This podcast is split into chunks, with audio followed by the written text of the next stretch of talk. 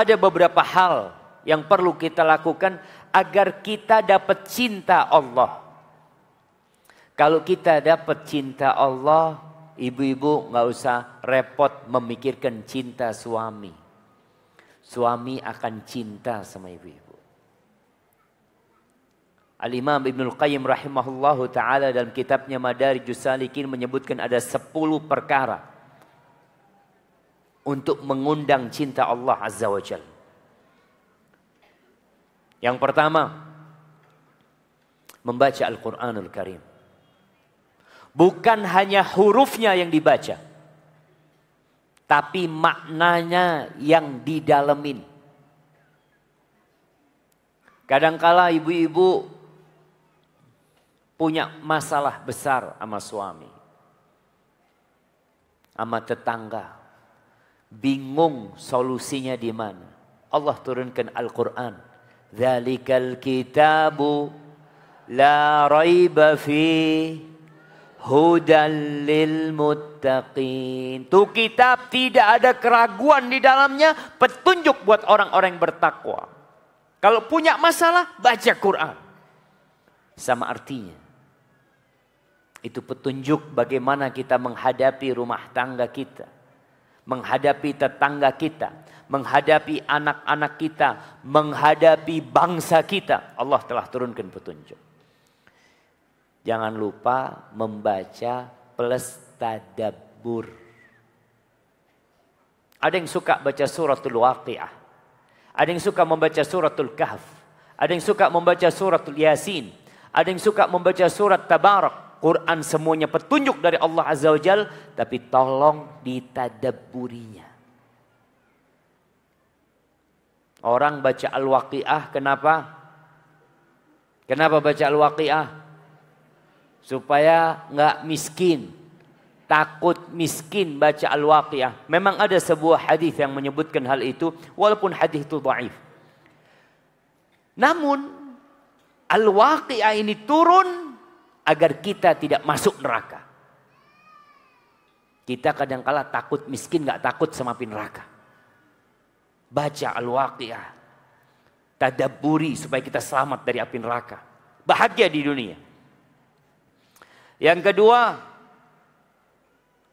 mendekatkan diri kepada Allah dengan memperbanyak ibadah sunnah setelah yang wajib.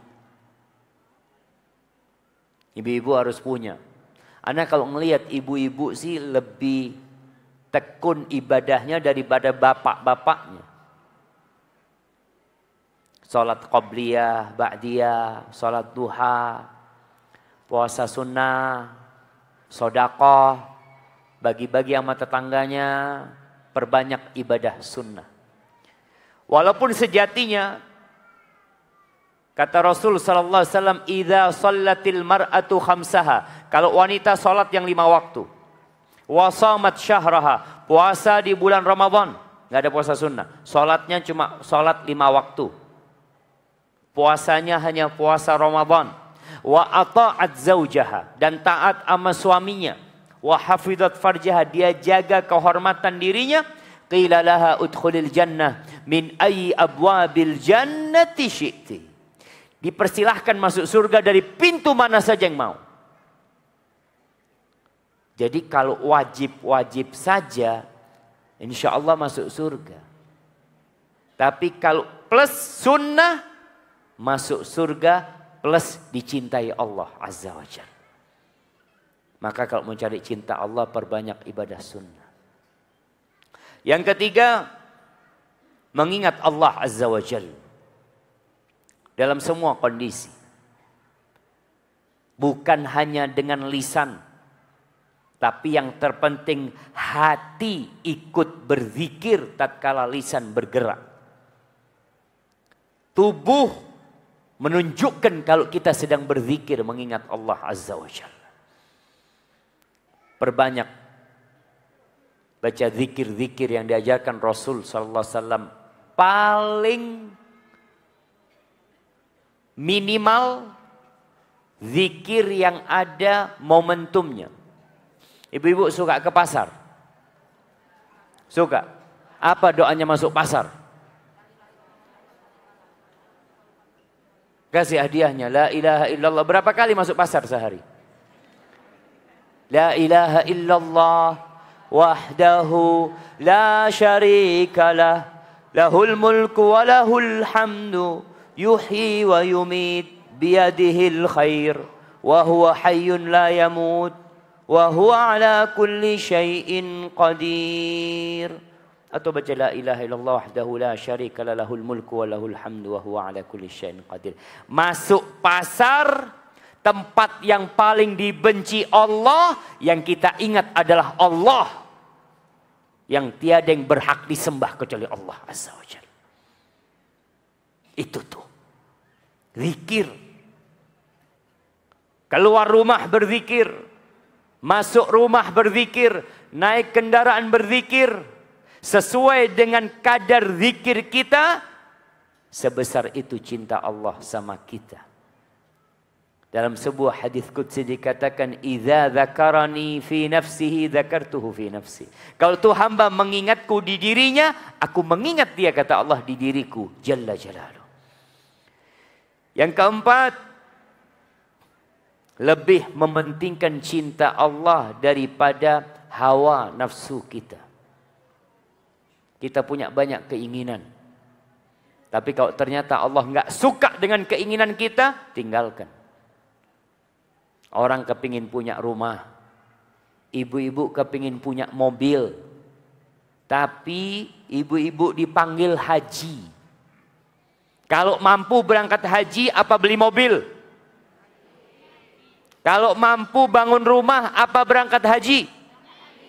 Tapi banyak orang udah punya rumah, udah punya mobil, punya sawah, mau mati baru haji. Udah tua, saya mau haji. Baru dijual lagi rumahnya. Dijual lagi tanahnya. Kenapa sejak dulu nggak dijual berangkat haji? Itu yang ke empat. Yang kelima, mengkaji asmaullah al-husna dan sifat-sifat Allah yang maha mulia. Jadi bukan hanya dihafal. Huwallahu alladhi la ilaha illahu alimul ghaibi هو الرحمن الرحيم. هو الله الذي لا إله إلا هو الملك القدوس السلام المؤمن المهيمن العزيز الجبار المتكبر. Jangan cuma dihafal, tapi kita nggak faham. Apa artinya al-mutakabbir? Apa artinya al-musawwir? Faham dihafal, difahami. Ketika engkau faham tentang Allah, engkau akan cinta sama Allah Azza. Gimana kita tidak akan cinta dengan Ar-Rahmanir Rahim? Kalau di kampung kita ada orang yang dermawan, yang baik hati, kita suka dan cinta sama dia. Maka tolong difahami. Asma'ullah al-husna dan sifat-sifat Allah agar kita bisa beribadah kepada Allah seakan-akan melihat Allah. Sampai maqamul ihsan. Kalau nggak mampu paling tidak kita memiliki keyakinan Allah sedang memandang dan melihat kita. Yang keenam,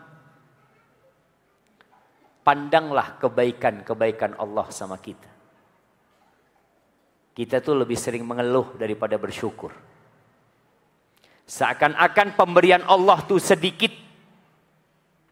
Dikasih musibah sedikit. Lupa dengan nikmat sepanjang masa yang Allah berikan kepada dia. Dikasih penyakit. Ada yang dikasih kanker. Umur berapa dikasih kanker? Umur 55 tahun. Lupa dengan nikmat Allah selama 54 tahun Allah kasih nikmat sehat sama dia. Pandang kebaikan Allah sama kita. Allah kasih mata sama kita. Jangan lupa nikmat mata gara-gara penyakit kanker yang kita derita. Jangan lupa dengan nikmat jantung gara-gara kanker yang menimpa kita. Jangan lupa dengan nikmat lisan gara-gara kanker yang menimpa kita. Karena sebagian orang merasa seakan-akan Allah tidak memberikan apa-apa sama dia. Bahkan mulai suudzon sama Allah. Berburuk sangka sama Allah. Maka pandang kebaikan Allah Lihat ya Allah, betapa banyaknya kebaikan Allah sama kita, kita akan cinta sama Allah. Yang ketujuh, kita perlu tunduk bermunajat kepada Allah. Menunjukkan bagaimana kelemahan kita dan kebesaran Allah. Tunjukkan kalau kita makhluk yang lemah, yang penuh dengan dosa, ya Allah. Kemudian yang kedelapan, menyendiri bersama Allah. Kita perlu punya waktu menyendiri sama Allah. Khususnya di sepertiga malam akhir Ketika Allah turun ke langit dunia mengatakan hal min sa'ilin fa'utiyah. Apakah ada yang mau minta sama aku sekarang? Aku kasih kata Allah. Wa hal min mustaghfirin fa'aghfiralah. Ada yang memohon ampun sama aku sekarang aku ampuni. Teteskan air mata kita. Di sepertiga malam akhir tatkala semua tenggelam dalam tidurnya Rasulullah Shallallahu Alaihi Wasallam menyebutkan tentang tujuh golongan yang akan mendapatkan naungan dari Allah. Salah satunya, wa rajulun dzakarallaha khalian fafadat aina. Seorang yang mengingat Allah dalam kesendirian, kemudian dia meneteskan air mata. Rasulullah Shallallahu Alaihi Wasallam melakukan itu dan beliau membangunkan istri-istrinya untuk melakukan hal itu. Jangan hanya menangis karena ditinggal mati suami. Ditinggal kawin lagi sama suami. Menangis. Menangislah karena dosa-dosa yang kita kerjakan. Yang ketujuh, yang kesembilan. Jamaah di atas masih ada tempat. Masih ada. Ya, ibu-ibu silahkan. Tapi ada yang duduk di tangga itu. Nah, jadi yang duduk di tangga ini membuat orang melihat kayaknya full di atas. Tapi yang kesembilan, duduk sama orang-orang soleh. Agar kita dapat berkahnya ucapan-ucapan mereka, majelis-majelis mereka. Jangan hanya kumpul arisan. Kumpul arisan, duduk semuanya, apa yang dibawa? Tas. Taruh tas. Ini pengajian semua taruh tas. Pamer tasnya. Maka kita duduk sama orang-orang soleh. Ibu-ibu cari wanita-wanita solihat qanitat yang taat patuh sama Allah yang tidak terpengaruh dengan kegemerlapan dunia ini duduk sama mereka ngobrol sama mereka ambil tuh faedah-faedah jangan kumpul sama orang yang dibicarakan baju yang dibicarakan emas harga emas berapa hari ini emas itu itu cincin berapa beli itu gelang berapa beli Dunia yang dibicarakan. Padahal semua akan dilepas dari tubuh kita. Dan yang ke sepuluh. Terakhir yang kita masuk ke saya tanya jawab kemudian. Yang ke sepuluh. Menghindari. Dosa-dosa. Atau perbuatan-perbuatan walaupun mubah. Kalau pada akhirnya bisa menghalangi hati kita dari cinta kepada Allah Azza wa Jalla. Banyak makan, banyak hiburan itu bisa menghalangi hati kita dari mencintai Allah Azza wa Jalla. Barakallahu fikum.